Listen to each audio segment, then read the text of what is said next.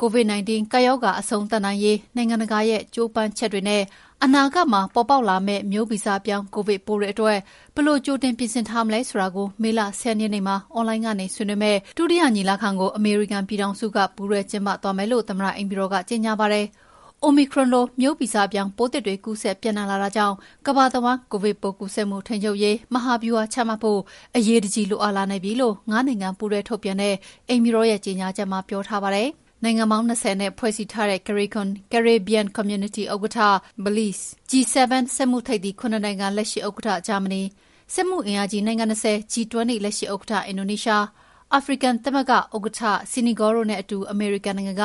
ကိုဗစ်တိုက်ဖျက်ရေး ထိပ်သီးညီလာခံကို ပူးတွဲကျင်းပမှာဖြစ်ပါတယ်။ကိုဗစ်ပိုး တကျော့ပြန် ကူးစက်ပျံ့နှံ့လာနေပြီး တရုတ်နိုင်ငံက တင်းကြပ်တဲ့ ကန့်သတ်ချက်တွေ ပြန်ပြီးချမှတ်နေချိန်မှာ ဒီညီလာခံကျင်းပဖို့ ဖြစ်လာတာပါ။ အမေရိကန်နိုင်ငံမှာလည်း BA.2 လို့ခေါ်တဲ့ ကိုဗစ်မျိုးကွဲသစ်ကူးစက်မှု တိုးလာတဲ့အတွက် အဆောက်အအုံတွေထဲ မဖြစ်မနေ နှာခေါင်းစည်းတပ်ဖို့အမိန့်ကို Philadelphia မြို့မှာ ပထမဆုံး ပြန်လည်ချမှတ်ထားပါတယ်။နိုင်ငံတကာ ပူးပေါင်းဆောင်ရွက်မှုအားနဲ့ ကိုဗစ်ကပ်ရောဂါကို တိုက်ဖျက်ဖို့ တိုက်တွန်းခဲ့တဲ့ အမေရိကန်သမ္မတ ဂျိုးဘိုင်ဒန်က ပထမဆုံး ကိုဗစ်ညီလာခံကို ပြီးခဲ့တဲ့နှစ် စက်တင်ဘာလမှာ ဖိတ်ခေါ်ကျင်းပခဲ့တာပါ။အဲဒီညီလာခံကျင်းပပြီး သိပ်မကြာခင်မှာပဲ Delta နဲ့ Omicron မျိုးကွဲသစ်တွေ ကူးစက်ပျံ့နှံ့လာခဲ့တာလည်း ဖြစ်ပါတယ်။